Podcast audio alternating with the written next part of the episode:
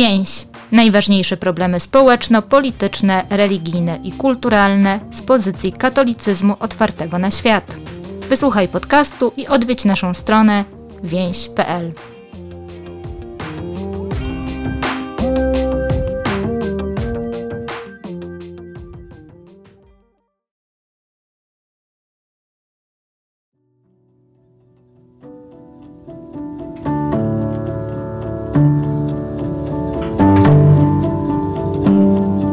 Mija właśnie ćwierć wieku od chwili, gdy prawi ludzie w Szczecinie rozpoznali zło i zaczęli szukać sprawiedliwości. Szukali jej od 1995 roku najpierw w kościele i do tej pory nie znaleźli.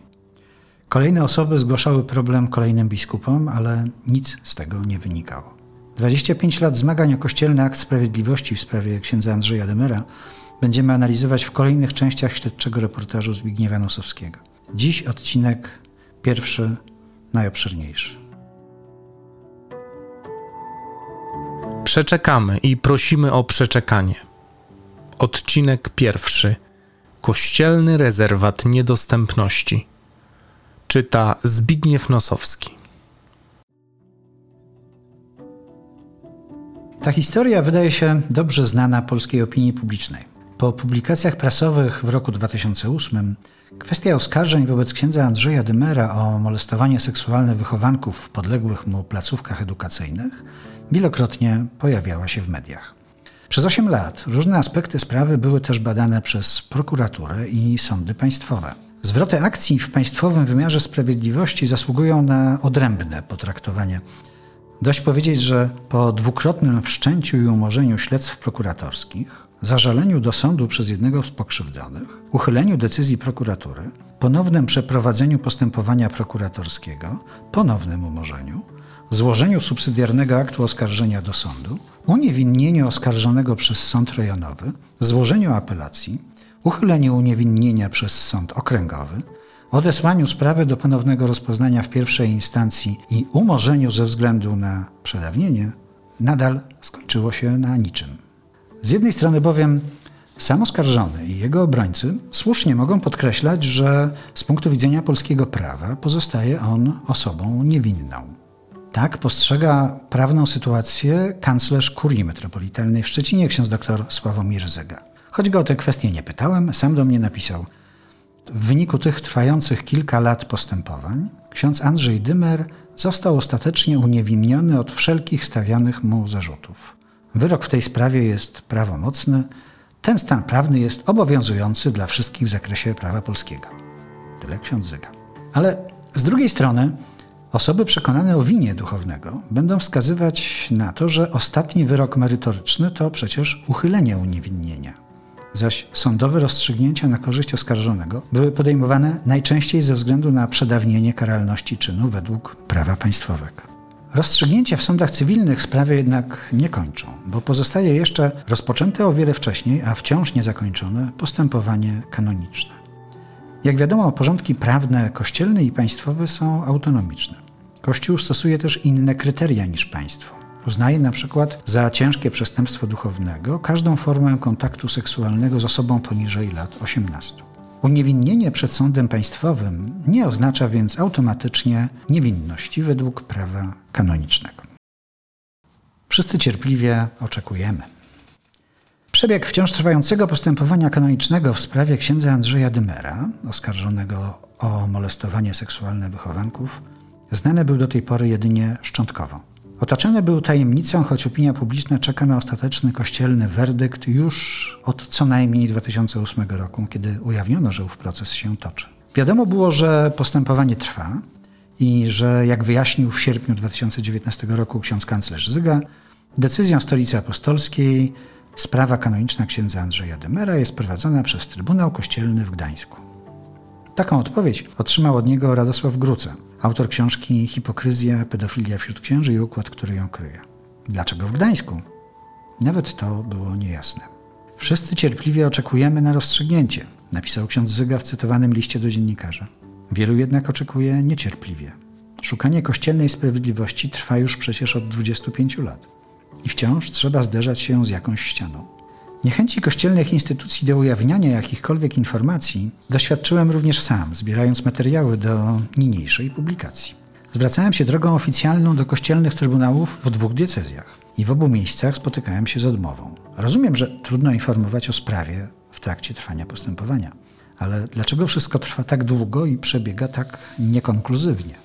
Na długo pozostanie mi w pamięci charakterystyczne określenie użyte przez oficjała Gdańskiego Trybunału Metropolitalnego. Uzasadniając odmowę przekazania mi informacji, ksiądz Jerzy Więcek napisał do mnie: Gdy chodzi zaś o kolejne pytania, na które chciałby pan uzyskać odpowiedź, to uprzejmie proszę, niech odpowiedzi na nie pozostaną jeszcze przez jakiś czas w rezerwacie niedostępności i tym samym nie staną się pożywką dla żądnych sensacji. Dzięki wielu dobrym ludziom możliwe stało się jednak uchylenie rąbka tajemnicy i zajrzenie do rezerwatu niedostępności. Ze strzępów różnych informacji udało się uskładać całościowy, choć niepełny przebieg postępowania kanonicznego. Przedstawiam go poniżej nie po to, by stał się pożywką dla żądnych sensacji, lecz aby odpowiedzieć na głód prawdy i kościelnej sprawiedliwości w tej sprawie oraz rozpocząć proces wyjaśniania, dlaczego wszystko trwa aż tak długo i kto za to odpowiada. Ujawniamy. Chcąc opisać rzetelnie ćwierć wieku zmagań, zdecydowałem się na przygotowanie cyklu reporterskiego i tak każdy z tekstów będzie obszerny. Będą one pojawiały się na łamach serwisu więź.pl co kilka dni. Zwłaszcza w pierwszych dwóch reportażach staram się przedstawiać głównie fakty, ograniczając własny komentarz. Wątki medialne oraz dotyczące działań prokuratury i sądów ograniczam tu jedynie do minimum niezbędnego dla ukazania dynamiki sprawy. Pojawią się też retoryczne pytania, na które będę szukał odpowiedzi w dalszych częściach cyklu. Wiele z prezentowanych tu zdarzeń to kluczowe informacje prezentowane publicznie po raz pierwszy, zwłaszcza szczegółowe dane dotyczące przebiegu karnego procesu kanonicznego przeciw księdzu Dymerowi. Ujawniam m.in. treść notatki szczecińskiego biskupa z roku 1996 i wyroku, jaki zapadł w pierwszej instancji procesu księdza Dymera w kwietniu 2008 roku. Po raz pierwszy opisuje publicznie także dalszy przebieg postępowania kanonicznego przeciwko szczecińskiemu duchownemu, a raczej brak przebiegu, gdyż przez większość czasu w sprawie nie działo się dosłownie nic. Za ponad dziewięcioletnią całkowitą bezczynność kościelnego sądu odpowiada arcybiskup Sławoj Leszek Głódź, ówczesny metropolita gdański, któremu Kongregacja Nauki Wiary przekazała sprawę w drugiej instancji. Wyraźne są także zaniedbania w nadzorze ze strony Watykanu. Najlepiej to wszystko opisać po kolei, chronologicznie. Rok 1995. Świeccy idą do biskupa. W roku 91 młody, dynamiczny i pomysłowy duchowny ksiądz Andrzej Dymer zakłada w szczecińskim Lasku Arkońskim ognisko świętego brata Alberta. Mieści się ono w niszczającym budynku zlikwidowanego ośrodka wczasów dziecięcych, przejętym od kuratorium oświaty. Celem ośrodka jest zapewnienie opieki i niesienie pomocy dzieciom i młodzieży pozbawionym prawidłowej opieki rodzinnej. Ognisko rozpoczyna działalność we wrześniu 1991 roku. W lutym 1992 roku ksiądz Andrzej Dymer wychodzi z inicjatywą utworzenia w Szczecinie katolickiego liceum ogólnokształcącego, pierwszej szkoły katolickiej na Pomorzu Zachodnim. Zdobywa na ten cel od miasta zdewastowany budynek zlikwidowanego przedszkola krajowego, zabytkowa willa Herdera, w której w latach 52-90 mieścił się żłobek. Rada Miasta użycza szkole budynek na 9 lat, następnie zapadnie decyzja o użyczeniu posesji na następnych 35 lat. Szkołę powołuje 3 maja 1992 roku arcybiskup Marian Przykucki, ówczesny metropolita szczecińsko-kamieński. Liceum rozpoczyna działalność 1 września 1992 roku. Hierarcha musiała zaimponować rzutkość księdza z wizją, któremu powierzył odpowiedzialne zadanie tworzenia katolickiego liceum. Arcybiskup Przykucki trafił do Szczecina tuż przed decyzją w sprawie liceum katolickiego w kwietniu 1992 roku, w efekcie reorganizacji struktur kościoła w Polsce. Wcześniej, od 1973 roku był biskupem pomocniczym archidiecezji poznańskiej, a w latach 81-92 biskupem diecezji chełmińskiej. Problemy zaczynają się jesienią 1995 roku, gdy do wychowawców ogniska świętego brata Alberta, bliskich współpracowników księdza Dymera, zaczynają docierać opowieści wychowanków o nieprawidłowych zachowaniach księdza dyrektora. W listopadzie 1995 roku pięć zaniepokojonych osób spotyka się z biskupem pomocniczym archidiecezji szczecińskiej Stanisławem Stefankiem, który sprawuje nadzór nad placówkami edukacyjnymi i wychowawczymi w archidiecezji. Wychowawcy ustnie zgłaszają biskupowi w oparciu o relacje wychowanków, swoje podejrzenia dotyczące molestowania niepełnoletnich podopiecznych Ogińska przez dyrektora Dymera. Biskup Stanisław Stefanek również dobrze zapamiętał tę rozmowę i swoje z niej wrażenia. Tak, po 13 latach będzie wspominał ten dzień z 95 roku w wypowiedzi dla Gazety Wyborczej. Wrażenia ze spotkania miałem dziwne. Argumentów żadnych, same domysły, sugestie, nadinterpretacje. Według mnie to wyglądało na odgrywanie jakichś ról, które wyrecytowano, których się wyuczono. Próbowałem im wytłumaczyć, jak bardzo krzywdzą siebie i księdza Andrzeja, bo przecież kłamstwo motywowane chęcią zemsty musi przynieść złe owoce. Wiedziałem, że motyw tej agresji jest osobisty i wynika z czego innego niż troska o ochronę młodzieży. Chodziło o rozgrywkę środowiskową, tyle że zamiast noża albo pistoletu wykorzystano narzędzie, jakim jest potwarz. Kto mógł przypuszczać, że wrogowie księdza Andrzeja będą tacy zawzięci? Wyraźnie biskup pomocniczy nie uwierzył wychowawcom. A jednak 15 grudnia 1995 roku ksiądz Dymer zostaje odsunięty od kierowania ogniskiem świętego brata Alberta. Powody tej decyzji nie zostały podane do wiadomości publicznej. On sam, rzecz jasna, uważa się za pokrzywdzonego nieprawdziwymi zarzutami. Rok 1996. Zakonnicy idą do biskupa. Nic więcej się jednak nie dzieje. Szczecińscy świeccy katolicy zaczynają więc szukać wsparcia u duszpasterzy. Znajdują je wśród zakonników, którzy nie podlegają bezpośrednio biskupowi. Wkrótce, na początku 96 roku, dwaj szczecińscy duszpasterze, dominikanin Józef Puciłowski i jezuita Zdzisław Wojciechowski, udają się w tej sprawie do arcybiskupa Mariana Przykuckiego. Obaj duchowni dobrze pamiętają to spotkanie. Józef Puciłowski mówi dziś: Do mnie zwrócił się Marek Mogielski, którego brat jest dominikaninem. Jego relacje były bardzo przekonujące. Umówiliśmy się więc na spotkanie z arcybiskupem Przykuckim. Poszliśmy do niego z samego rana. Wysłuchał nas z wielką powagą. Potwierdził, że sprawa jest mu znana, że zajmował się nią biskup Stefanek, a on boleje nad nią i pomoże w rozwiązaniu. Również jezuita Zdzisław Wojciechowski pamięta zapewnienie arcybiskupa Przykuckiego, że nada sprawie właściwy bieg. Z dzisiejszej perspektywy Dominikanin dodaje: Zostaliśmy wysłuchani, ale nic z tego nie wynikło. Zostaliśmy zlekceważeni przez późniejsze decyzje, których konsekwencje ciągną się do dzisiaj.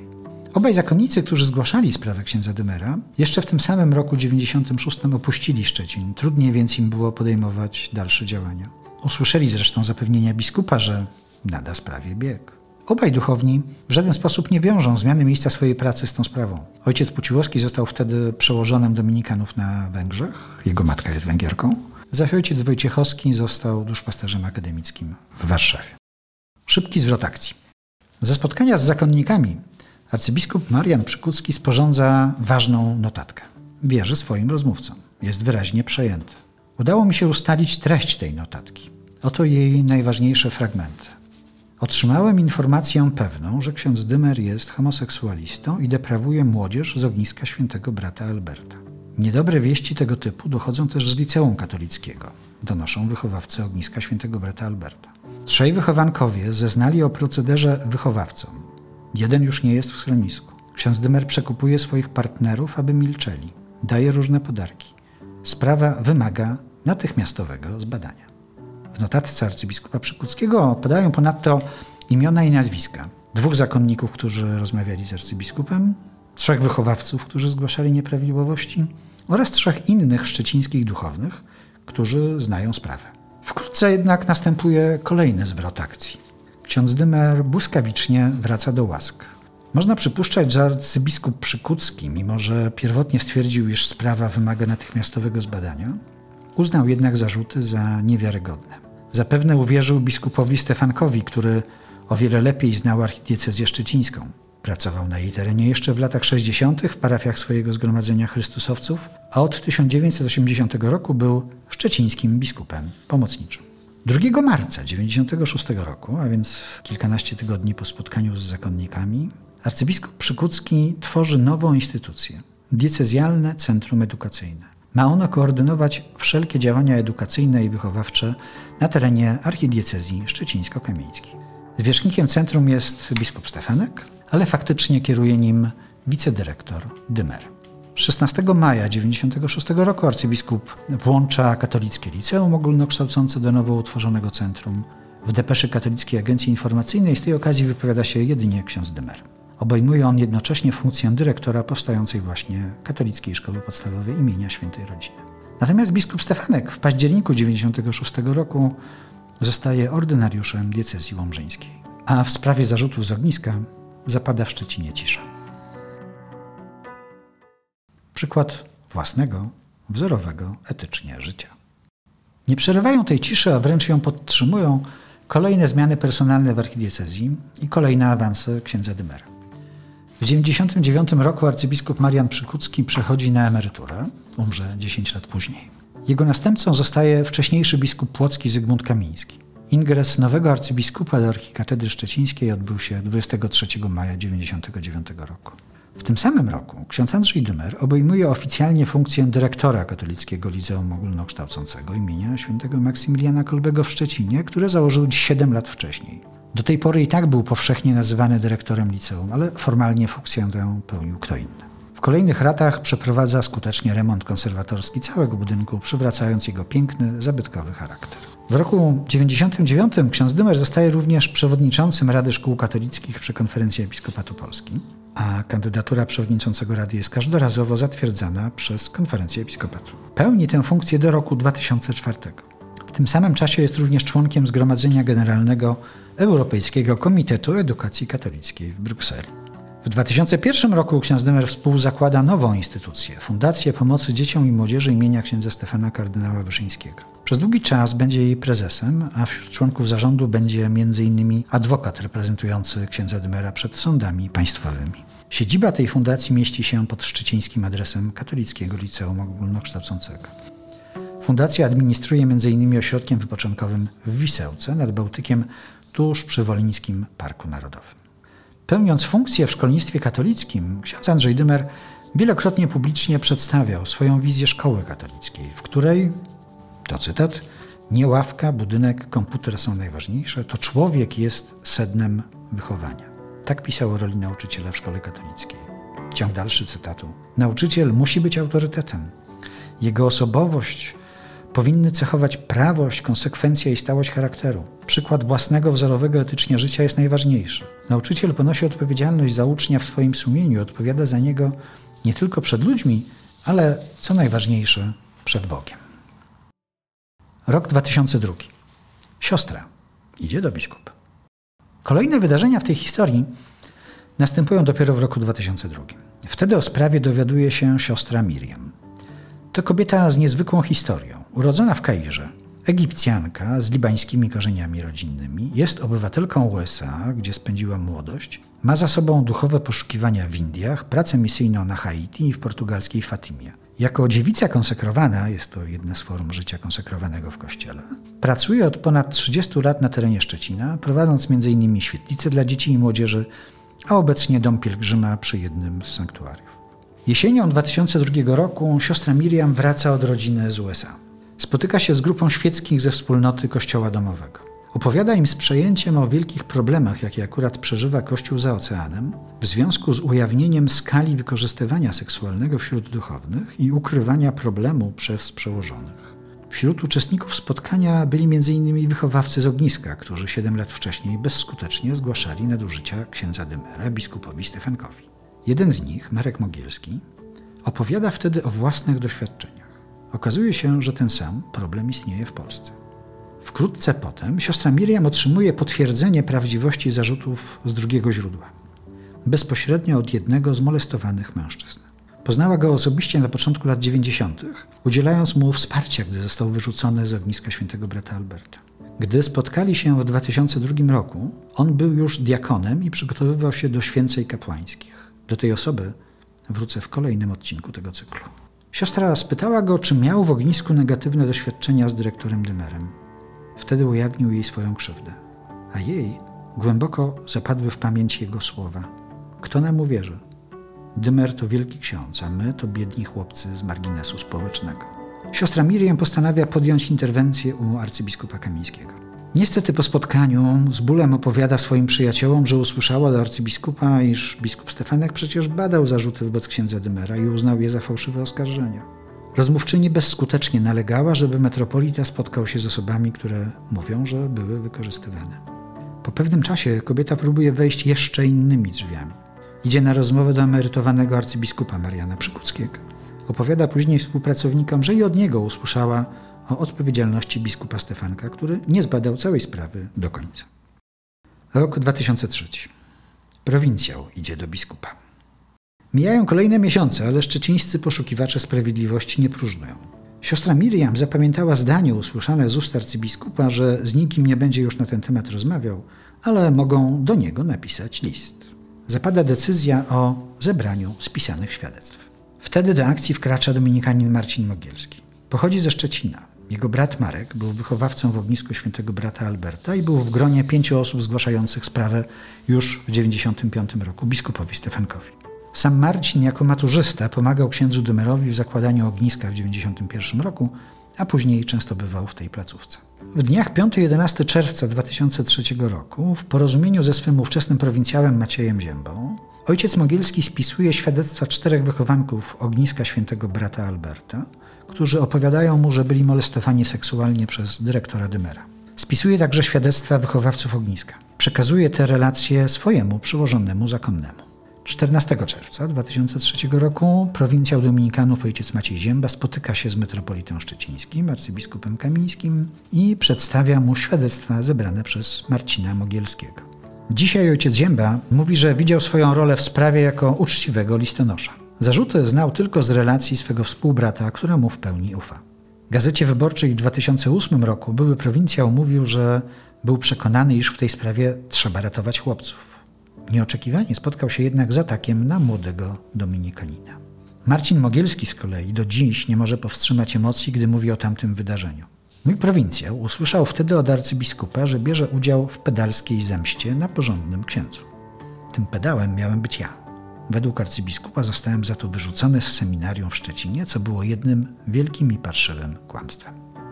Ojciec Zięba mówi mi, że w rozmowie z arcybiskupem zaprzeczał takim stwierdzeniom o Mogielskim. Metropolita Szczeciński jednak głęboko uwierzył w linię obrony księdza Dymera.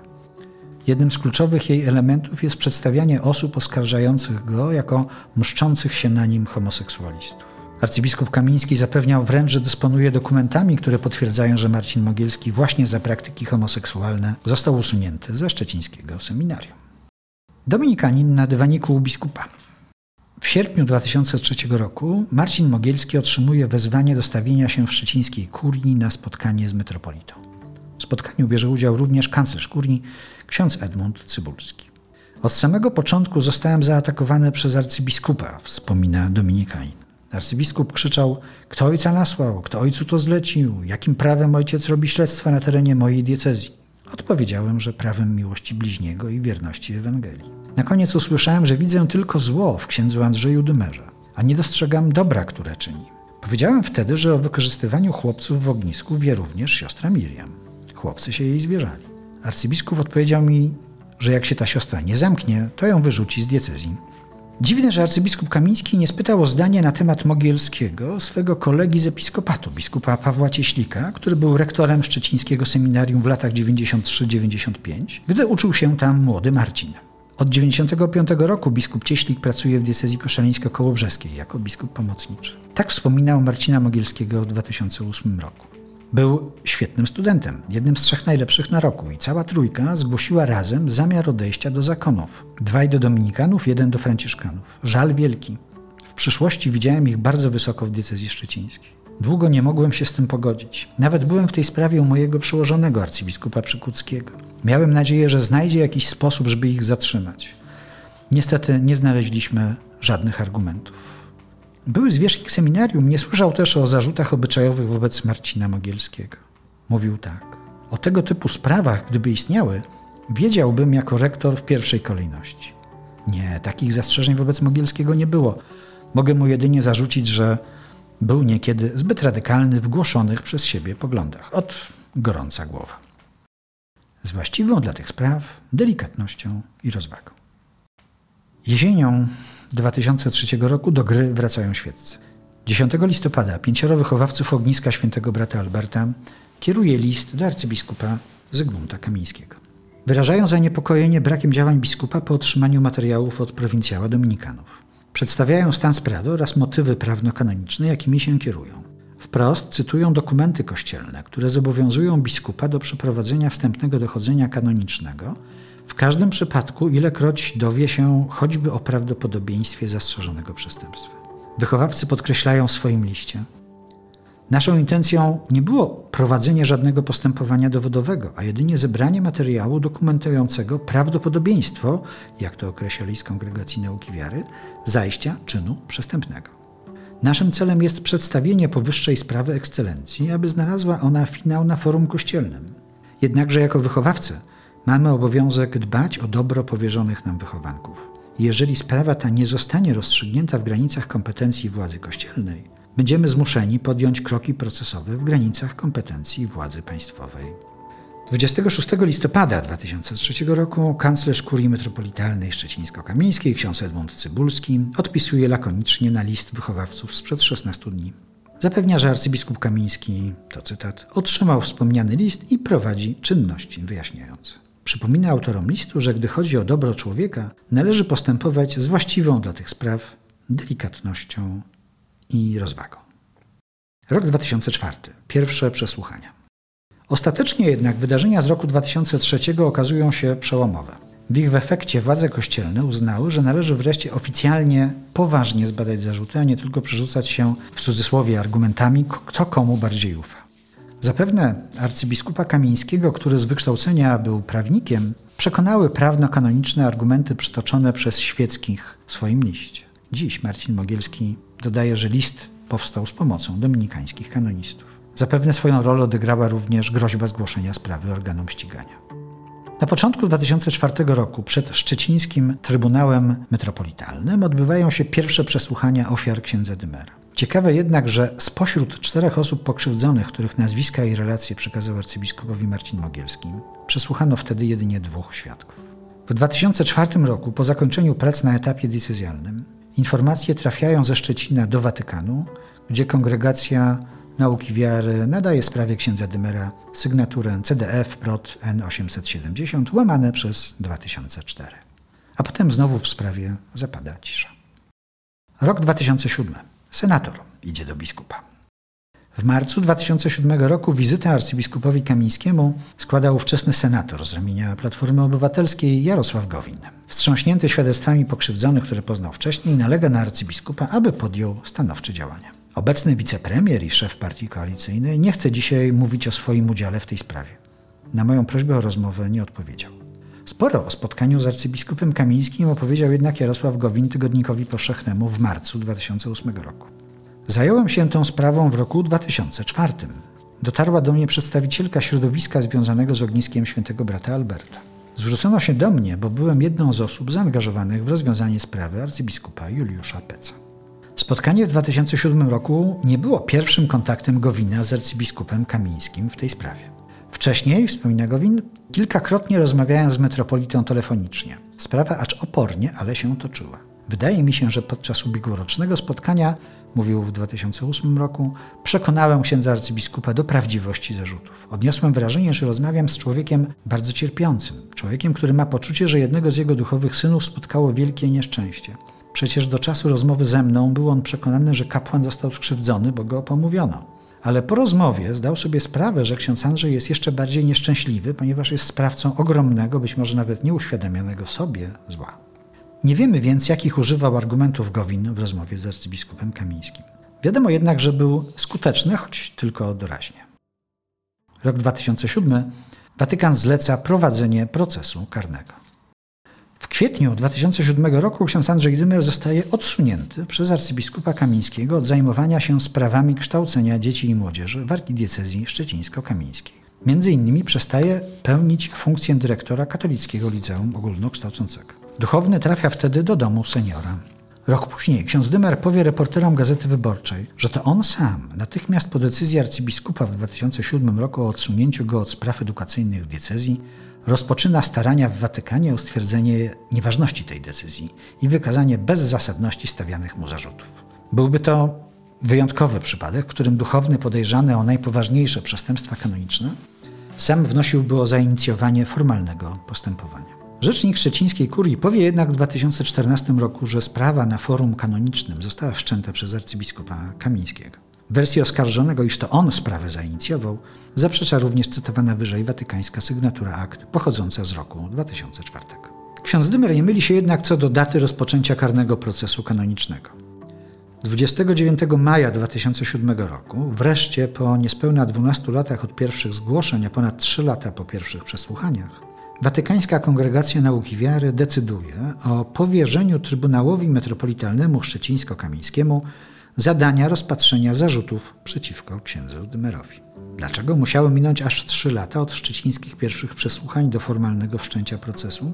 Czy to zaniedbanie Kongregacji Nauki Wiary? A może Watykan już wcześniej, między rokiem 2004 a 2007, zlecał rozpoczęcie procesu metropolicie szczecińskiemu, lecz to on nie podejmował działań? Na te pytania na razie nie znamy odpowiedzi. Po rozpoczęciu karnego procesu kanonicznego odbywają się kolejne przesłuchania świadków. Marek Mogielski opowiada mi, że zeznawał w kurii dwukrotnie. I wcześniej, i w 2007 roku. Pamiętasz, że znając wszystkich molestowanych wychowanków, dopytywał, dlaczego nie był przed kościelnym trybunałem przesłuchiwany najmłodszy z nich. Jego sprawa będzie później aż do 2015 roku krążyć po sądach państwowych. Usłyszał w odpowiedzi, że nie ma już potrzeby mnożenia świadków po stronie oskarżenia. Zgodnie z kanonem 1553 prawa kanonicznego, sędzia ma prawo ograniczyć zbyt wielką liczbę świadków. Z drugiej strony adwokat księdza Dymera dążył do przesłuchania jak największej liczby świadków obrony. Nawet później w apelacji będzie kwestionował ważność procesu kanonicznego, gdyż nie przesłuchano wszystkich zgłoszonych przez niego świadków i ekspertów. Pierwsza próba dziennikarska. W 2007 roku do osób pokrzywdzonych przez księdza Dymera dociera pierwszy dziennikarz, Michał Stankiewicz z dziennika Rzeczpospolita. Przygotowany przez niego materiał nie ukazuje się jednak drukiem. Publikację wstrzymuje kierownictwo gazety. Redaktorem naczelnym Rzeczpospolitej był wtedy Paweł Lisicki. Siedem lat później superwizjer TVN będzie twierdził, że stało się to pod naciskiem biskupów i polityków. Michał Stankiewicz na moje pytania o tamtą sprawę na razie nie odpowiedział. Pytam więc Pawła Lisickiego, dziś redaktora naczelnego tygodnika do rzeczy. Odpowiada, że nie przypomina sobie żadnych nacisków. Mówi, na pewno w związku z tymi materiałami konsultowałem się z różnymi ludźmi, ale w żadnym wypadku nie były to naciski i na pewno nie konsultacje zaważyły na tym, że tekst nie poszedł do druku. Według Lisickiego powody jego decyzji były dwa. Po pierwsze, brak całkowitej pewności co do prawdziwości materiałów, a po drugie, jego przekonanie, że Rzeczpospolita nie może być pismem zajmującym się z takim zacięciem i na taką skalę kwestią skandali w Kościele, bo negatywnie to rzutuje na jej pozycję pisma biznesowo-konserwatywno-liberalnego. Lizicki wspomina, sam odpowiadałem wcześniej za doprowadzenie w 2002 roku do publikacji o arcybiskupie Juliuszu Pecu oraz za serię tekstów poświęconych kwestii pedofilii w Kościele. Jestem przekonany co do słuszności tych decyzji, ale w oczywisty sposób wywołało to niechęć części czytelników. Lisicki tłumaczy, nie chciałem, żeby Rzeczpospolita stała się dyżurnym policjantem do spraw afer seksualnych w Kościele, tym bardziej, że inne gazety, nawet liberalne, zajmowały się tym tematem niechętnie. Przypomnę, że Gazeta Wyborcza, mimo posiadanych przez siebie materiałów, sama nie zajęła się sprawą arcybiskupa Peca, kierując się właśnie polityką redakcyjną i czekając, aż sprawą zajmie się kto inny. Rok 2008 czarna niewdzięczność, która dotknęła człowieka niewinnego. W roku 2008 role na rynku medialnym się odwracają. Istotnego przełomu w sprawie dokonuje Gazeta Wyborcza. 10 marca na jej łamach ukazuje się obszerny reportaż Grzech ukryty w kościele. Roman Daszczyński i Paweł Wiejas opisują w nim po raz pierwszy publicznie zarzuty pod adresem księdza Andrzeja Dymera. Przywołują relacje mężczyzn, którzy jako chłopcy mieli być wykorzystywani przez księdza. Cytują pod nazwiskiem wypowiedzi dominikanina Marcina Mogielskiego i innych osób, które potwierdzają prawdziwość zarzutów. Można przeczytać także opinie osób, które w winę duchownego nie wierzą, bronią go i uważają, że padł ofiarą spisku.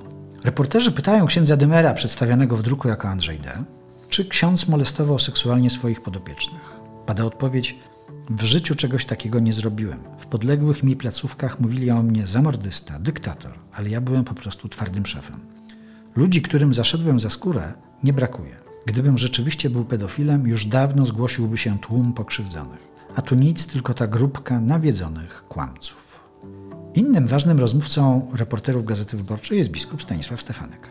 Na pytanie, czy jest pewien, że wykorzystywanie seksualne chłopaków nie miało miejsca, dawny biskup pomocniczy szczeciński, wówczas już ordynariusz łomżyński, odpowiada: Jestem tego pewien. Mamy tu do czynienia z czarną niewdzięcznością, która dotknęła człowieka niewinnego.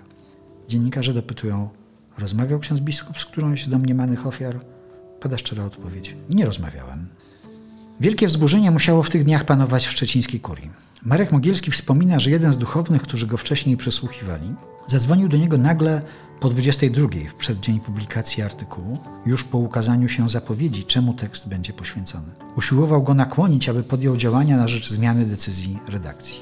Bezskutecznie. 11 marca, nazajutrz po publikacji artykułu, ksiądz Dymer prosi dla podkreślenia swojej niewinności, aby w publikacjach posługiwano się jego pełnym nazwiskiem. Prowincjał Dominikanów wiedziałem i wyraziłem zgodę. Oburzony publikacją Gazety Wyborczej arcybiskup Kamiński postanawia doprowadzić do ukarania Marcina Mogielskiego, uznając go, skądinąd słusznie, za najpoważniejsze i najbardziej wiarygodne źródło informacji.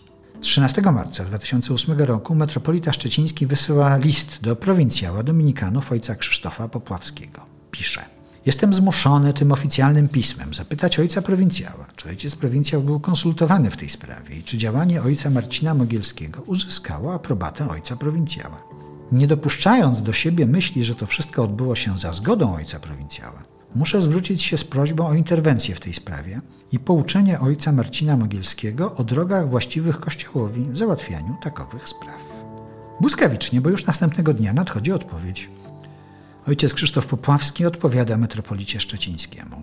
Wiedziałem i wyraziłem zgodę na udział ojca Marcina Mogielskiego w wyjaśnianiu sprawy przypadków nadużyć seksualnych wobec nieletnich. W postępowaniu mojego współbrata Marcina Mogielskiego nie widzę niczego rażąco niewłaściwego. Jego decyzje i podejmowane przez niego działania są wyrazem troski o ubogich, którzy do dziś noszą w sobie poczucie skrzywdzenia i lekceważenia przez przełożonych Kościoła i którym zabrakło z ich strony zapewnienia fachowej pomocy czy choćby braterskiego zainteresowania. Tego samego dnia ojciec Marcin Mogielski mówi gazecie Dziennik. Całkowicie podtrzymuje swoją opinię, że działania arcybiskupów archidiecezji szczecińsko-kamieńskiej w tej sprawie były opieszałe. Sąd biskupi w Szczecinie nigdy mnie nie wezwał na przesłuchanie. Dlaczego? W dzienniku wypowiada się tego dnia także Jarosław Gowin, wówczas poseł Platformy Obywatelskiej. Na pytanie dziennikarza, czy formułowane przez ojca Mogielskiego zarzuty, że Kościół w archidiecezji szczecińskiej był opieszały w rozwiązywaniu tej sprawy są słuszne, Gowin odpowiada, jeżeli sprawy nie rozwiązano od 13 lat, to odpowiedź jest oczywista, tak, słuszna. Potworne kłamstwa i pomówienia. W niedzielę, 16 marca 2008 roku w szczecińskich kościołach katolickich czytany jest list arcybiskupa Zygmunta Kamińskiego. Metropolita szczeciński zwraca się do osób, u których publikacja Gazety Wyborczej wywołała zamęt i niepokój. Stwierdza, trudno zrozumieć, jakie motywy kierowały autorami wspomnianego tekstu oraz osobami dostarczającymi im materiałów. Okazuje się, że w dzisiejszym świecie tak łatwo publicznie można odrzeć człowieka z jego godności. Arcybiskup wyznaje, wobec tej sytuacji jestem w kłopotliwym położeniu. Pragnąłbym w sposób jasny i zdecydowany wypowiedzieć swoje stanowisko. Jednak z uwagi na fakt prowadzenia postępowania kanonicznego, które nie powinno być narażone na jakiekolwiek formy sugestii czy nacisków, w tym momencie nie mogę tego uczynić. Wyrażam przekonanie, że postępowanie zainicjowane przeze mnie przed kilku laty wyjaśni ostatecznie wszelkie wątpliwości. Chciałbym przypomnieć, że rozpatrywaniu takich trudnych i bolesnych spraw zawsze musi przyświecać pragnienie poznania prawdy, oraz prawo do ochrony godności każdej ze stron. Dlatego ubolewam, że tak łatwo wystawiono na widok publiczny sferę intymną człowieka. 17 marca w obronie księdza Dymera występuje 23 wychowanków ogniska świętego brata Alberta. Publikują oni ostry list adresowany do ojca Marcina Mogielskiego, w którym nazywają przedstawione zarzuty potwornym kłamstwem i pomówieniami. Piszą o nakłanianiu do składania fałszywych zeznań przeciwko księdzu Andrzejowi. Wyrażają wdzięczność byłemu dyrektorowi ogniska, to dzięki wpojonym przez niego zasadom potrafimy uczciwie żyć i wychowywać nasze dzieci. Tego samego dnia w szczecińskiej prokuraturze przesłuchiwany jest ojciec Marcin Mogielski. W wypowiedzi dla dziennikarzy po przesłuchaniu mówi także o postępowaniu kanonicznym. Kościelny sąd nie przesłuchał nawet najważniejszego świadka, wówczas 14-letniego chłopca. Jego przypadek zgodnie z prawem kościelnym się nie przedawnił. Od 2003 roku biskupi sąd ani razu nie chciał wysłuchać także mnie, choć zebrałem tyle materiałów i mamy wiedzę na ten temat. Następnego dnia, 18 marca, prokuratura rejonowa Szczecin-Zachód wszczyna śledztwo, powołując się na publikację Gazety Wyborczej. W śledztwie łącznie zeznania złoży 120 świadków, w tym wychowankowie księdza, ich rodziny i wychowawcy z ogniska. Materiały śledztwa składają się na 20 tomów akt. Kwiecień 2008 roku. Wyrok kanoniczny potwierdza winę duchownego. Wiosną 2008 roku opinia publiczna koncentruje się na medialnych sporach i przepychankach wokół sprawy księdza Dymera. Tymczasem w kościelnym zaciszu 28 kwietnia zapada wyrok pierwszej instancji w procesie kanonicznym duchownego. Treść tego wyroku do dziś znana była wyłącznie wąskiemu kręgowi osób.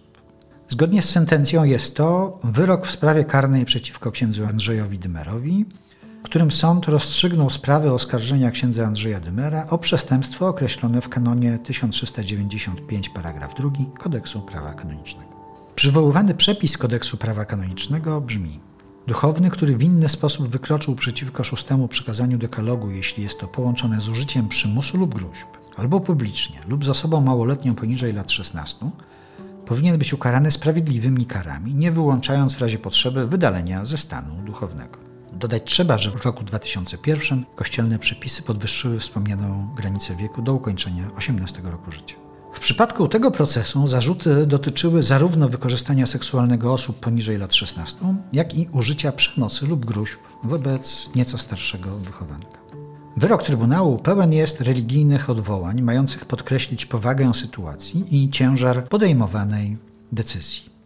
Po sumiennym rozważeniu i osądzeniu tego wszystkiego, co w motywach prawnych i faktycznych zostało przedstawione, niżej podpisani członkowie Trybunału Kolegialnego, kierując się tylko wolą Boga Najwyższego, w odpowiedzi na wątpliwość stanowiącą przedmiot postępowania karnego ustalony w dekrecie oskarżenia, odpowiadają pozytywnie. Odpowiedź pozytywna oznacza w kanonicznym języku potwierdzenie, że zarzucane czyny miały miejsce. Precyzując swój wyrok, Szczeciński Trybunał Archidiecezjalny podkreśla: Cały materiał zeznaniowy, dokumentalny i refleksyjny wynikający z domniemań spowodowanych zaniedbaniami przesłuchań w 1996 roku, zbierany mozolnie przez 12 lat, pozwala po głębokim i bezstronnym studium na uzyskanie pewności moralnej co do zasadności oskarżeń księdza Andrzeja Dymera o molestowanie wychowanków ogniska świętego brata Alberta w Szczecinie w latach 1993-95, w szczególności, tu podają w wyroku nazwiska dwóch wychowanków. Sąd kościelny uznał więc te dwa przypadki za szczególne, ale nie jedyne. Trybunał Kościelny stwierdza, po opuszczeniu ogniska przez księdza Andrzeja Dymera 15 grudnia 1995 roku, podejrzewania oskarżonego o podobne zachowania ustały. Do sądu nie dotarły żadne powody, które by uzasadniały podjęcie dochodzeń w tym kierunku. Należy więc przyjąć, że ksiądz Andrzej Dymer potrafi korzystać z działania łaski w zachowaniu kapłańskich zobowiązań. Biorąc jednak pod uwagę ludzką skłonność do ulegania nieprzewidzianym sytuacjom, wydaje się zakaz powierzania mu funkcji związanych z posługą duszpasterską w sektorze młodzieżowym i dziecięcym. W intencji wynagrodzenia za karygodne zachowania w ognisku, ksiądz Andrzej Dymer przekaże swoje dochody z ostatnich trzech miesięcy na potrzeby domu samotnej matki w diecezji. W uzasadnieniu wyroku sędziowie trzej duchowni z terenu metropolii szczecińsko-kamieńskiej, których nazwiska znane są redakcji więzi, piszą także Zdecydowanie Trybunał odrzucił również próby obrony w kierunku przedłużania postępowania dowodowego przez zajmowanie się nieistotnymi dla sprawy incydentami. Chodzi o działania obrony zmierzające do zdyskredytowania wiarygodności dwóch duchownych, których zeznania obciążały oskarżonego. Maj 2008 roku. Oskarżony się odwołuje. Widać zatem, że choć sędziowie Kościelnego Trybunału nie mieli wątpliwości co do winy oskarżonego, to zastosowali jednak bardzo łagodne sankcje. W ścisłym sensie kanonicznym być może nie są to nawet kary, lecz środek administracyjny, zakaz sprawowania funkcji, i środek pokutny, przekazanie dochodów w intencji wynagrodzenia. Prawdopodobnie wynika to z uwzględnienia okresu przedawnienia, które obowiązuje również w procesie kanonicznym. Mimo to ksiądz Dymer z werdyktem Trybunału się nie zgodził. Postanawia skorzystać z prawa do złożenia apelacji. W mediach natomiast sprawa księdza Dymera rozkręca się. 17 maja w dzienniku ukazuje się reportaż Radosława Grucy, Szkoła Uwodzenia według księdza Dymera. Autor dociera do jeszcze jednego mężczyzny molestowanego jako dziewiętnastolatek przez duchownego. Cytuję również kilka relacji uczniów katolickiego liceum ogólnokształcącego prowadzonego przez księdza Dymera, świadczących o jego nadmiernym zainteresowaniu intymnością chłopaków. Te wątki pojawiły się jednak, jak się teraz dowiadujemy, już po wyroku pierwszej instancji procesu kanonicznego, i nie zostały w nim uwzględnione. Tymczasem oskarżonego i jego obrońca zajmuje przygotowywanie zaskarżenia werdyktu Trybunału, który ich zdaniem jest krzywdzący. 5 czerwca 2008 roku ksiądz Dymar składa apelację do Kongregacji Nauki Wiary, prosząc o ponowne rozpatrzenie wyroku i jego całkowite uchylenie. 15 dni później przesyła jeszcze tzw. Tak poparcie apelacji, czyli jej uzasadnienie prawne.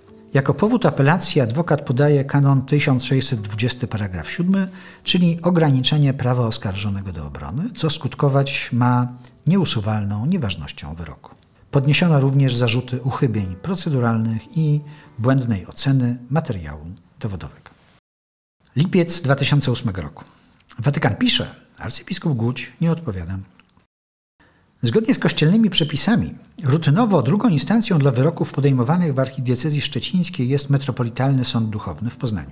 Tak jest jednak w przypadku spraw standardowych, czyli głównie małżeńskich. W przypadku oskarżeń duchownych o wykorzystywanie seksualne, drugą instancją jest Watykańska Kongregacja Nauki Wiary. Jej werdykt ma charakter ostateczny i nie musi być zgodny z wyrokiem pierwszej instancji. Czasami jednak Watykan powierza zadanie osądzenia sprawy w drugiej instancji wybranemu trybunałowi diecezjalnemu, który w danym przypadku działa niejako w imieniu kongregacji. Tak właśnie stało się w przypadku procesu księdza Dymera i to jest źródło trwającej do dziś przewlekłości w tej sprawie. 15 lipca 2008 roku Kongregacja Nauki Wiary wystosowała pismo do arcybiskupa Sławoja Leszka Głudzia, metropolity gdańskiego. Objął on ten urząd trzy miesiące wcześniej, w kwietniu 2008 roku Kongregacja poleca arcybiskupowi rozpoczęcie procedowania sprawy oraz udziela mu delegacji do mianowania sędziów Trybunału II instancji i promotora sprawiedliwości, czyli upraszczając prokuratora. Stwierdza też, że poinformuje Trybunał Szczecińsko-Kamiński, wydając dyspozycję o przekazaniu akt pierwszej instancji do Trybunału II instancji, po otrzymaniu życzliwej odpowiedzi Waszej Ekscelencji. Kłopot w tym, że owej odpowiedzi ani życzliwej, ani nieżyczliwej po prostu nie było. Prawie nikt do dziś o tym nie wiedział. Mógł nie wiedzieć także rzecznik kurii szczecińsko-kamieńskiej ksiądz Sławomir Zyga, gdy 8 stycznia 2009 roku po ogłoszeniu decyzji prokuratury o umorzeniu śledztwa w sprawie księdza Demera mówił Polskiej Agencji Prasowej Niezależnie od postępowania prokuratorskiego trwa proces kanoniczny w sprawie rzekomego molestowania dzieci zgodnie z instrukcjami Stolicy Apostolskiej przewidzianymi w takich wypadkach. Postępowanie będzie trwało aż do pełnego wyjaśnienia całej sytuacji, na czym zależy Kościołowi. Sprawa od początku, czyli od półtora roku, jest nadzorowana przez Watykan, twierdził wtedy ksiądz Zyga. Rok 2010. Instytut Medyczny. W Szczecinie tymczasem następuje zmiana na stolicy biskupiej. Arcybiskup Zygmunt Kamiński przechodzi na emeryturę. 21 lutego 2009 roku papież Benedykt XVI mianuje arcybiskupem metropolitą szczecińskim dotychczasowego biskupa sandomierskiego Andrzeja Dzięga. Nowy metropolita obejmuje urząd kanonicznie 31 marca, a jego ingres do archikatedry św. Jakuba Apostoła w Szczecinie odbywa się 4 kwietnia. Tak jak poprzednik jest prawnikiem kanonistą, profesorem Kull. Był kanclerzem kurii polowej w latach 1992-95.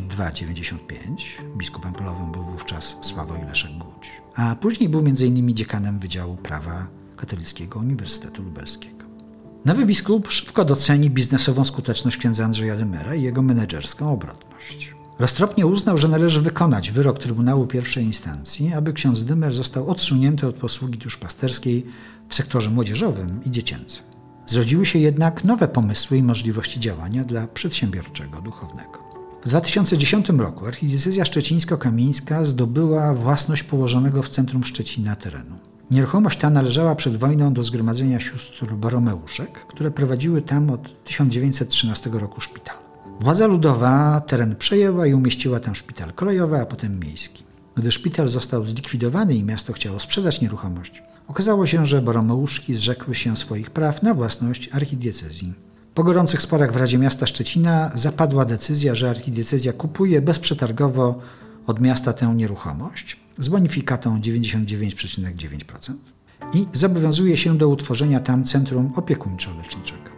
W konsekwencji natychmiast 24 marca 2010 roku arcybiskup Dzięga wydał dekret erygujący Instytut Medyczny imienia Jana Pawła II w Szczecinie. Dyrektorem Instytutu został ksiądz Andrzej Dymer. W imieniu archidiecezji zarządza on obecnie kilkoma przedsięwzięciami opiekuńczo-leczniczymi szpital rehabilitacyjny i trzy domy pomocy społecznej. Obficie korzystając także z dostępnych środków publicznych. Na przykład w 2013 roku z Urzędu Marszałkowskiego Województwa Zachodniopomorskiego archidiecezja otrzymała 800 293 zł dotacji na dofinansowanie robót budowlanych w celu dostosowania budynku na potrzeby Domu Pomocy Społecznej dla osób przewlekle psychicznie chorych. Rok 2013. Watykan się przypomina i nadal nic. A w procesie kanonicznym wciąż nic się nie działo. Wobec braku jakiejkolwiek odpowiedzi z Gdańska 23 sierpnia 2013 roku Kongregacja Nauki Wiary dopiero po ponad pięciu latach pisze ponownie do arcybiskupa Głudzia, pytając o stan sprawy w drugiej instancji. Kongregacja prosi też o przesłanie potwierdzonej kopii akt procesu. Odpowiedź tym razem się pojawia, choć nie natychmiast. Metropolita Gdański odpowiada 2 października 2013 roku, że proces drugiej instancji nie został rozpoczęty, ponieważ nie otrzymał on akt pierwszej instancji. A przecież zgodnie z dyspozycjami, jakie otrzymał wcześniej z Kongregacji Nauki Wiary, to jego obowiązkiem jako biskupa było umożliwienie rozpoczęcia procedury poprzez mianowanie sędziów Trybunału II instancji i promotora sprawiedliwości, a także poinformowanie o tym Stolicy Apostolskiej. W reakcji na ten list Kongregacja Nauki Wiary przesyła 5 listopada 2013 roku do Gdańska kolejne pismo. Czytamy w nim m.in. Będę bardzo zobowiązany Waszej Ekscelencji, jeśli będzie można rozpocząć proces drugiej instancji jak najszybciej to możliwe. Ale proces wciąż się nie rozpoczyna. Jak najszybciej to możliwe oznaczać będzie kolejne 4 lata. Rok 2014. Zaufanie do wymiaru sprawiedliwości. 8 kwietnia 2014 roku telewizja TVN24 przypomina sprawę szczecińskiego duchownego, emitując reportaż nietykalny. Jego autorami są Jarosław Jabrzyk i Bertolt Kittel oraz Michał Stankiewicz z Rzeczpospolitej, który przygotowywał publikację 7 lat wcześniej. Ksiądz Dymer określony jest tam mianem szarej eminencji kurierki diecezjalnej. Dziennikarze sugerują, że duchowny również osobiście korzysta z prowadzonych inwestycji i przedsięwzięć. W programie można zobaczyć m.in. zbudowaną kilka lat wcześniej okazałą willę księdza Dymera, położoną niedaleko Koszalina w miejscowości Głusza, gmina Polanów, na trzyhektarowym cyplu nad prywatnym jeziorem. Wokół gęste lasy i wzgórza. A mieszkańcy twierdzą, że do tego domu przyjeżdżają latem dzieci i młodzież. Tego samego dnia oświadczenie wydaje kuria szczecińsko-kamieńska. Jej rzecznik ksiądz Sławomir Zyga wyjaśnia przebieg procesu w sądzie państwowym i zapewnia o pełnym zaufaniu archidiecezji do polskiego wymiaru sprawiedliwości. W oświadczeniu po raz pierwszy kuria wspomina o przebiegu procesu kanonicznego. Pada ważna deklaracja. Sprawa na forum kanonicznym została wszczęta jeszcze przez arcybiskupa Zygmunta Kamińskiego, jednak została zawieszona do czasu zakończenia postępowania na forum państwowym. Archidiecezja ma pełne zaufanie do możliwości, jakie posiada polski wymiar sprawiedliwości w zakresie skutecznego gromadzenia środków dowodowych i chce owoce tego dochodzenia z zachowaniem przepisów polskiego prawa uwzględnić w dalszym toku postępowania kanonicznego. Stolica Apostolska jest o tym powiadomiona. Ksiądz Zyga podkreśla też, od początku sprawę decyzją arcybiskupa Zygmunta Kamińskiego ksiądz Andrzej D. pozostaje odsunięty od wszelkich zadań duszpasterskich. Taka sytuacja będzie trwała do definitywnego rozstrzygnięcia sprawy zarówno w polskim wymiarze sprawiedliwości, jak też na forum kanonicznym. Rok 2015. Tu się skończyło, tam się nie zaczęło. Argumentacja rzecznika szczecińskiej kurii o wstrzymaniu procesu kanonicznego na czas trwania procesu w sądzie państwowym brzmiałaby całkiem przekonująco, gdyby nie powyższa i poniższa wiedza na temat rzeczywistego przebiegu obu procesów. Otóż w 2015 roku zapadają dwa ostatnie wyroki sądów państwowych w sprawie księdza Dymera. 4 maja Sąd Okręgowy w Szczecinie uchyla zaskarżony przez pokrzywdzonego wyrok uniewinniający oskarżonego. Zarzut dotyczył w tym przypadku czynu lubieżnego względem osoby poniżej lat 15. Sąd Okręgowy przekazuje tym wyrokiem sprawę do ponownego rozpoznania. Sprawa trafia więc znowu do Sądu Rejonowego Szczecin Centrum. Ten jednak na posiedzeniu 30 grudnia 2015 roku sprawy już nie rozpatruje merytorycznie, lecz tylko w ciągu 10 minut wydaje postanowienie o umorzeniu postępowania karnego. Cytat: Albowiem zgodnie ze zmianą kodeksu karnego przedmiotowy czyn uległ z mocy prawa przedawnieniu po upływie 20 lat od jego popełnienia. W tym konkretnym przypadku data przedawnienia upłynęła, bagatela, kilkanaście dni wcześniej. Od tej pory nie toczy się już w żadnym sądzie państwowym żaden proces, wobec księdza Andrzeja Dymera jako oskarżonego. Mimo to kanoniczny proces drugiej instancji nadal przez kolejne dwa lata się nie rozpoczyna. A może argument z oczekiwaniem na zakończenie procesu w sądzie państwowym to tylko kolejny poręczny sposób na kanoniczne przeczekanie sprawy? Czyżby Nikomu nie zależało na sprawnym przebiegu kościelnego procesu. Dekret dopiero po dziewięciu latach. Podobnie niezrozumiałe są zaniechania w procesie kanonicznym zupełnie niezależne od efektów prac sądów państwowych. Pełne akta procesu kanonicznego pierwszej instancji trafiają ze Szczecina do Gdańska dopiero w lipcu 2015 roku. Wtedy Gdański Trybunał Metropolitalny posiada już pełną dokumentację do rozpoczęcia działań w drugiej instancji. Mimo to arcybiskup Głódź nadal nie wydaje niezbędnego dekretu. 30 października 2017 roku ponownie przypomina się metropolicie gdańskiemu Kongregacji Nauki Wiary, pytając w kolejnym piśmie o stan sprawy księdza Dymera. Ostatecznie arcybiskup sprawowej Leszek Głódź dopiero 31 grudnia 2017 roku wydaje dekret nakazujący wszcząć proces sądowy w drugiej instancji. Rozpoczęcie procesu nastąpiło zatem ponad 9 lat po otrzymaniu polecenia Kongregacji Nauki Wiary. Proces ten nie zakończył się do dziś. Wyraźnie zatem winę za tę wieloletnią bezczynność kościelnej drugiej instancji ponosi przede wszystkim arcybiskup Głódź jako metropolita gdański, a tym samym sprawujący w kościele władzę sądowniczą jako pierwszy sędzia w diecezji. Tak określa rolę biskupa prawo kanoniczne. Trzeba też podkreślić rażące zaniedbania w nadzorze ze strony Kongregacji Nauki Wiary. Kongregacja przekazała swoje uprawnienia drugiej instancji do archidiecezji gdańskiej, ale nie potrafiła przez ponad 12 lat wyegzekwować najpierw rozpoczęcia, a później zakończenia procesu. Do wyjaśnienia pozostaje również kwestia przepływu informacji z archidiecezji szczecińskiej do Gdańska. Dlaczego akta sprawy pierwszej instancji trafiły do Gdańskiego Trybunału dopiero w lipcu 2015 roku? Dlaczego mimo zakończenia postępowań przed sądami państwowymi trzeba było czekać kolejne dwa lata na formalne rozpoczęcie procesu drugiej instancji w Gdańsku? Dlaczego proces ten trwa już prawie trzy lata? Wreszcie, czy wpływ na przewlekłość postępowania w Gdańsku mają bliskie, zarówno ideowe, jak i osobiste, relacje między emerytowanym dziś metropolitą gdańskim, a urzędującym metropolitą szczecińsko-kamieńskim. Czy to duszpasterstwo? Co ciekawe, wobec przedłużającego się procesu kanonicznego, rosnący w siłę w Szczecinie ksiądz Andrzej Dymer coraz aktywniej udzielał się duszpastersko. 19 czerwca 2017 roku jako dyrektor Instytutu Medycznego ksiądz Dymer koncelebrował mszę świętą z okazji otwarcia szpitala rehabilitacyjnego imienia świętego Karola Bromeusza w pięknie wyremontowanym dawnym szpitalu miejskim. Mszę sprawowało m.in. czterech biskupów, a w uroczystości otwarcia szpitala uczestniczyli także przedstawiciele władz państwowych. Między innymi ministrowie Beata Kempa, szefowa Kancelarii Prezesa Rady Ministrów Beaty Szydło i Paweł Szefernaker, minister w Kancelarii Premiera, zresztą absolwent Szczecińskiego Katolickiego Liceum Ogólnokształcącego oraz wicemarszałek Sejmu Joachim Brudziński. Niedługo później, 18 października 2017 roku, jako założyciel szkoły, ksiądz Andrzej Dymer przewodniczył mszy świętej z okazji 25-lecia Katolickiego Liceum Ogólnokształcącego w Szczecinie. 3 czerwca 2018 roku w kościele parafialnym w Trzebierze odprawił natomiast mszę świętą w intencji leśników podczas 34 odpustu leśnego. Z leśnikami zresztą ksiądz Dymer spotyka się częściej, na przykład z okazji Hubertusa. Sam jest absolwentem technikum leśnego w Starościnie. O duszpasterską aktywność księdza Dymera zapytałem księdza Sławomira Zygę, kanclerza szczecińskiej kurii. Najpierw odpowiadał mi na inne pytania niż te, które stawiałem, czyli o dokładne brzmienie obowiązującego zakazu. Wyjaśniał, z dostępnych mi dokumentów wynika, że ksiądz Andrzej nadal nie sprawuje funkcji duszpasterskich, a jedynie funkcje administracyjno-organizacyjne. Przy następnym podejściu udało mi się dowiedzieć, że od decyzji arcybiskupa Zygmunta Kamińskiego do chwili obecnej ksiądz Dymer pozostaje odsunięty od wszelkich zadań i funkcji duszpasterskich. Ta sytuacja musi trwać do zakończenia kanonicznego procesu karnego. Nie znam wyjątków od tej zasady. Gdy spytałem wprost, czy zdaniem kurii przytoczone wyżej wydarzenia są złamaniem przez księdza Dymera obowiązującego zakazu, dostałem odpowiedź następującą. Żaden z faktów, o których Pan pisał, nie jest pełnieniem ani urzędów, ani zadań duszpasterskich w rozumieniu kanonu 145 paragraf 1 Kodeksu Prawa Kanonicznego. Przywoływany przez kanclerza kanon mówi o urzędach kościelnych ustanowionych na stałe. Wciąż jednak nie udało mi się dowiedzieć od księdza Zygi, jak brzmi obowiązująca decyzja w sprawie księdza Dymera.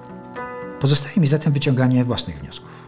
Trybunał Szczeciński w ujawnionym wyżej wyroku z 2008 roku wydał zakaz powierzania księdzu Dymerowi funkcji powiązanych z posługą duszpasterską w sektorze młodzieżowym i dziecięcym.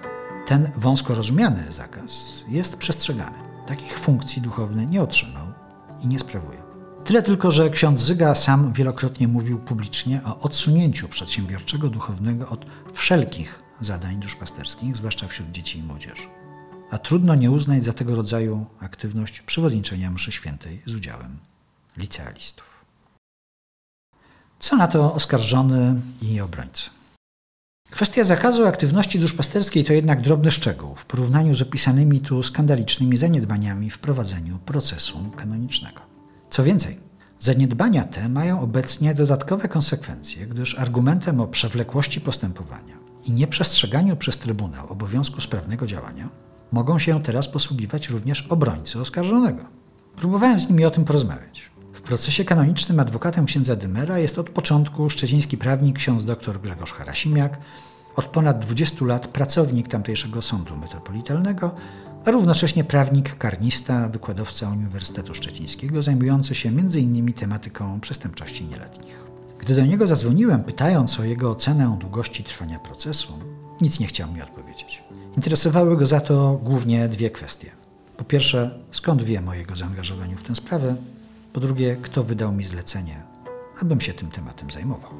Gdy odpowiadałem, że w tej kwestii kieruje mną chrześcijańskie sumienie, rozmowa się wyraźnie nie kleiła.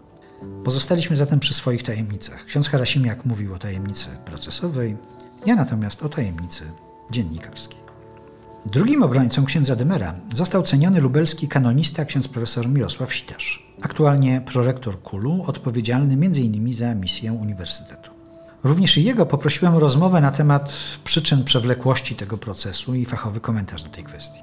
Niestety moje prośby kierowane trzykrotnie pocztą elektroniczną pozostały bez odpowiedzi.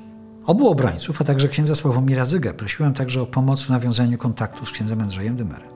Przekonywałem, że przedstawienie jego argumentów jest w tej sprawie bardzo istotne. Jedynie ksiądz kanclerz obiecał, że przekaże moją prośbę zainteresowanemu. Po długim czasie otrzymałem odpowiedź, ponieważ ksiądz Andrzej Dymer przeszedł w ostatnim czasie bardzo poważną operację, ze względu na jego stan zdrowia ograniczone są wszystkie zewnętrzne kontakty. Rok 2020. Nadal czekamy. Licząc od pierwszego zgłoszenia sprawy biskupowi, mija właśnie 25 lat zajmowania się przez kościelne struktury tym jednym, choć bardzo znaczącym przypadkiem. Tyle, że nikt nie jest z tej okazji skory do świętowania srebrnego jubileuszu. Już w werdykcie Szczecińskiego Trybunału Metropolitalnego z 2008 roku mowa była o zaniedbaniach z roku 96 i późniejszych 12 latach postępowania aż do wyroku pierwszej instancji. Teraz doszło kolejne ponad 12 lat działania niedziałania w drugiej instancji. Czyżby wspólnym wysiłkiem dwóch archidiecezji, szczecińskiej i gdańskiej, Polska usiłowała pobić gorzki rekord świata w długości trwania postępowania kanonicznego? Niestety nikt takich rejestrów nie prowadzi, więc polskie, w cudzysłowie, osiągnięcie pozostanie nieoficjalne.